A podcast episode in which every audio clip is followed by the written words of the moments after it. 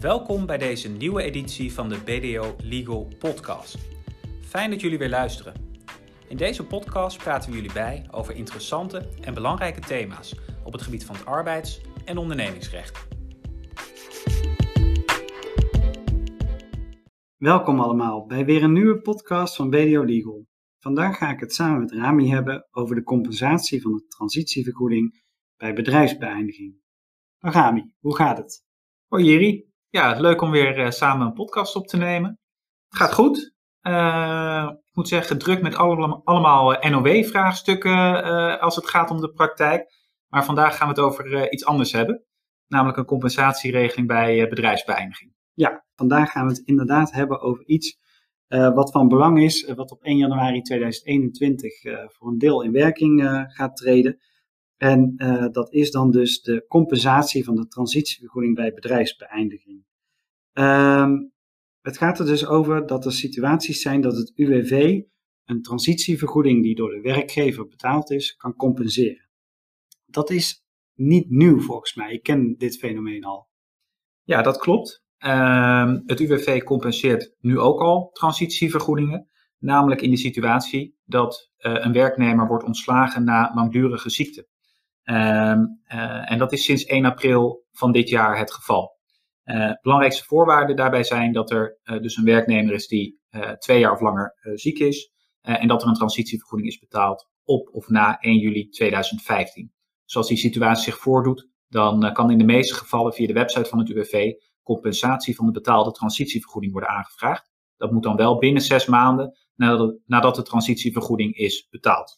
En, en, dat was even, help mij even, dat, dat waren de slapende dienstverbanden, toch? Uh, zo werd dat genoemd. Ja, klopt. Kijk, als dat direct gebeurde na twee jaar ziekte, dan spreken we formeel nog niet over een uh, slapend dienstverband. Maar inderdaad, hè, de slapende dienstverbanden, werknemers die langdurig in dienst worden gehouden terwijl ze ziek zijn en ook geen arbeid meer verrichten, daar ziet deze situatie ook op. Ja, precies. Dus werkgevers hielden ze dan voorheen in dienst kostte niks, maar ze gingen ook niet uit dienst, maar alleen maar om te voorkomen dat ze dan een hoge transitievergoeding uh, moesten betalen.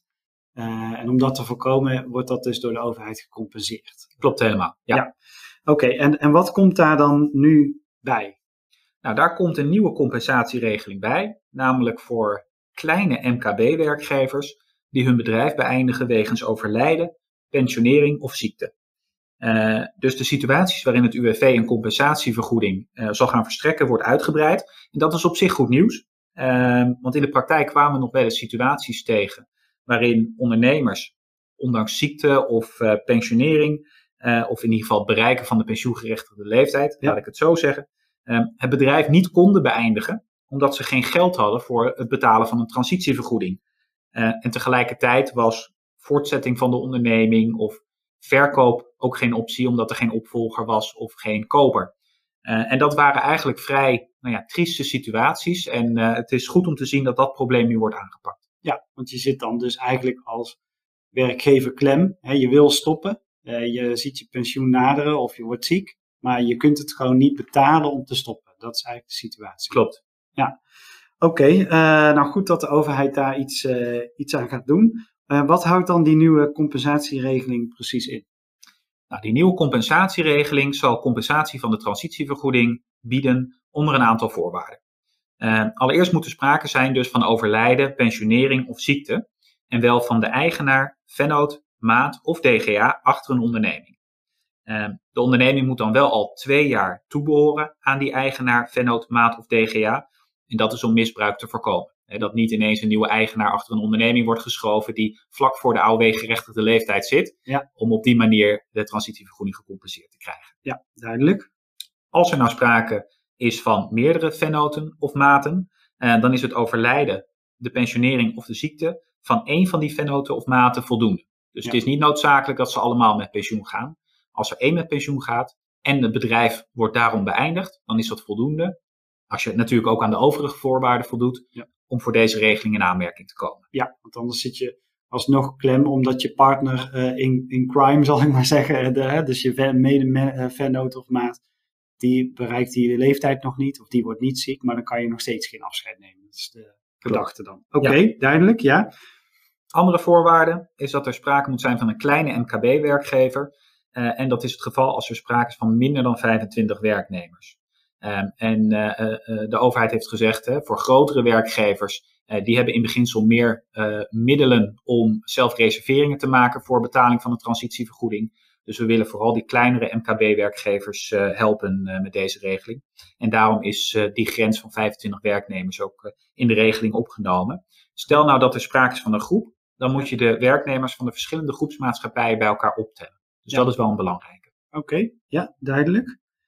Nou, een derde voorwaarde is dat er sprake moet zijn van een redelijke grond voor ontslag en het verval van arbeidsplaatsen door de bedrijfsbeëindiging. Dus je moet daadwerkelijk stoppen met het bedrijf Daardoor komen alle arbeidsplaatsen uh, te vervallen. En dan wordt uiteindelijk getoetst door het UWV of in bepaalde gevallen door de rechter. Dus daar vindt wel een toets op plaats. Ja, dus je moet ook echt stoppen. Het bedrijf moet gewoon gestaakt worden. Klopt. Ja, ja, maar dan is volgens mij, als dat het geval is, is het verval van die arbeidsplaats ook evident eigenlijk.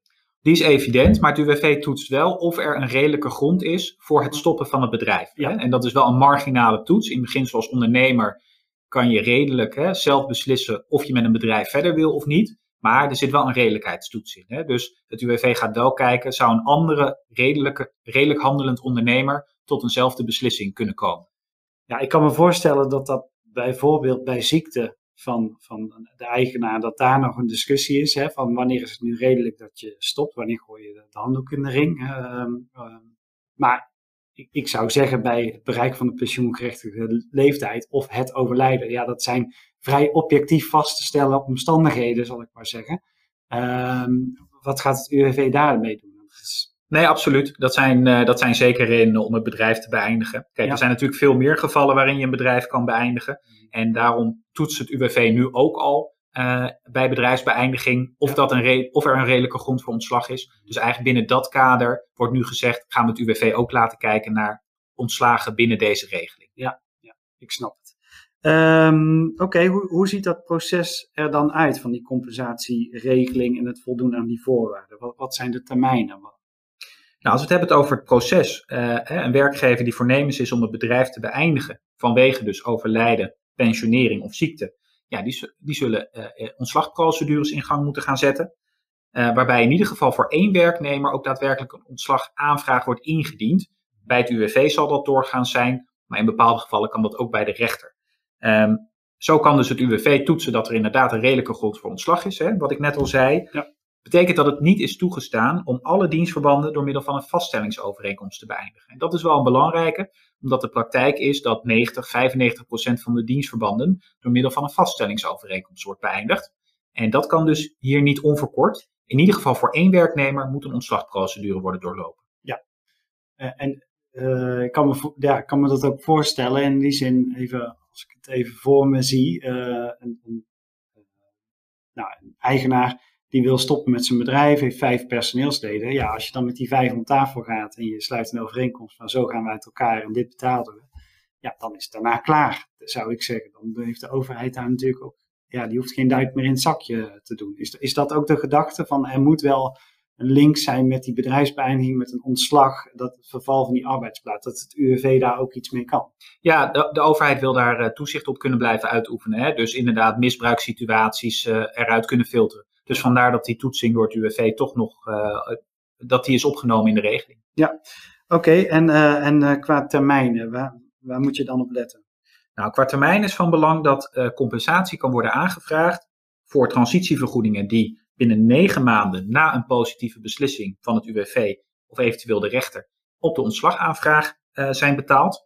Um, maar ook voor transitievergoedingen die in de zes maanden voor het indienen van het ontslagverzoek zijn betaald.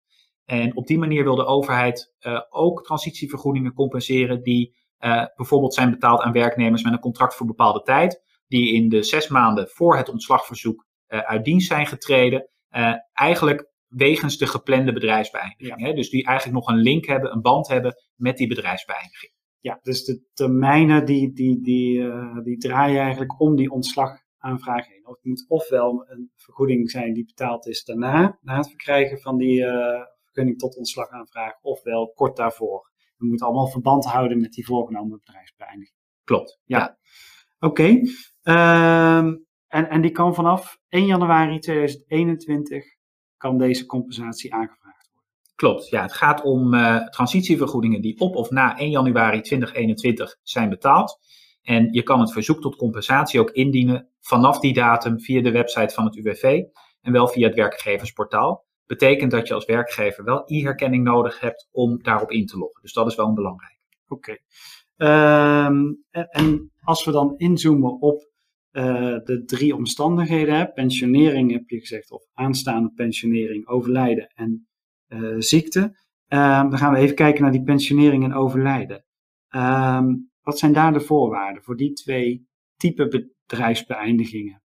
Nou, bij pensionering kan je een beroep doen op de regeling wanneer de werkgever de AOW-gerechtigde leeftijd al heeft bereikt, of binnen zes maanden na het indienen van de ontslagaanvraag de AOW-gerechtigde leeftijd zal bereiken. Ja. dus ook daar draait het weer om die ontslagaanvraag heen. Uh, je kan wel slechts eenmaal van die mogelijkheid gebruik maken. Dat betekent als een werkgever onderneming A beëindigt uh, vanwege het bereiken van de AOW-gerechtigde leeftijd, maar verder gaat met onderneming B, dan kan hij niet later alsnog bij de beëindiging van onderneming B nogmaals de transitievergoeding gecompenseerd krijgen. Nee. Dus het moet niet gaan om het afbouwen van werkzaamheden, zal ik maar zeggen, maar je moet ook echt stoppen uh, in dat geval. Klopt, de regeling is echt bedoeld om iemand in staat te stellen om met pensioen te gaan. Ja, ja, oké. En hoe zit dat bij overlijden? Nou, bij overlijden moet het ontslagverzoek uh, binnen 12 maanden na het overlijden worden ingediend. Uh, dus uh, na het overlijden van, een, van, van de werkgever, de natuurlijke persoon daarachter in ieder geval, ja. um, moet je als erfgename in feite aan de slag. En met die 12 maanden hebben de erfgenamen de tijd om nou ja, zorg te dragen voor een correcte afwikkeling van nou ja, zowel de erfenis als de onderneming. Zonder dat er ineens allerlei transitievergoedingen voor rekening van de erfgenamen komen. Ja, ja snap ik. Oké, okay, um, dan was de derde omstandigheid om compensatie te kunnen krijgen bij bedrijfsbeëindiging was ziekte.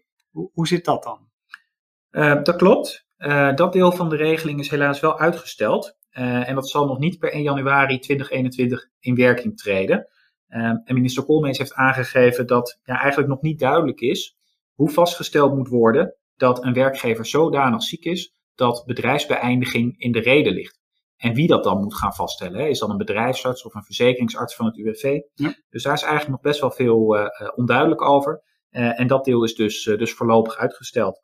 Um, het is nog niet duidelijk wanneer het dan alsnog in werking zal gaan treden. Het is wel teleurstellend nieuws in ieder geval voor werkgevers die hierop zaten te wachten. Omdat eigenlijk al een jaar zitten we te wachten op deze regeling. En nu recent is aangegeven dat nou ja, voor dat onderdeel ziekte de inwerkingtreding eigenlijk wordt uitgesteld. Dus dat is slecht nieuws voor werkgevers die daarop aan het wachten waren. Ja, zeker. Want je kunt, hè, wat ik eerder in de podcast al zei, dat pensioneren, die, die pensioengerechtigde leeftijd en dat overlijden, dat zijn vrij objectieve zaken. Uh, nou, die worden dan dus nu ook ingevoerd. Maar ja, je kunt al op je knop aanvoelen, of dat had de minister misschien ook moeten doen, uh, dat bij ziekte zit natuurlijk uh, het subjectieve element van wanneer is iemand nou ziek genoeg of om, om te mogen beëindigen met compensatie vanuit uh, de overheid.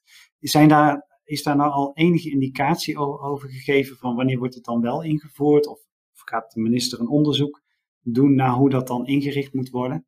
Ja, de minister heeft aangegeven in contact te treden met uh, uitvoeringsinstanties en ook ja. met werknemersverenigingen en werkgeversverenigingen om te kijken hoe kunnen we dit het beste invoeren. maar een datum is daar niet aan gekoppeld. En de verwachting is dat het zeker nog wel, nou, echt wel een half jaar tot een jaar gaat duren voordat dit is ingevoerd. Ja, oké, okay, nou, dat is uh, deels dus goed nieuws dat deze regeling uh, ingevoerd gaat worden en deels nog even, even slecht uh, nieuws dat we moeten wachten op een belangrijk deel van deze regeling. Ja.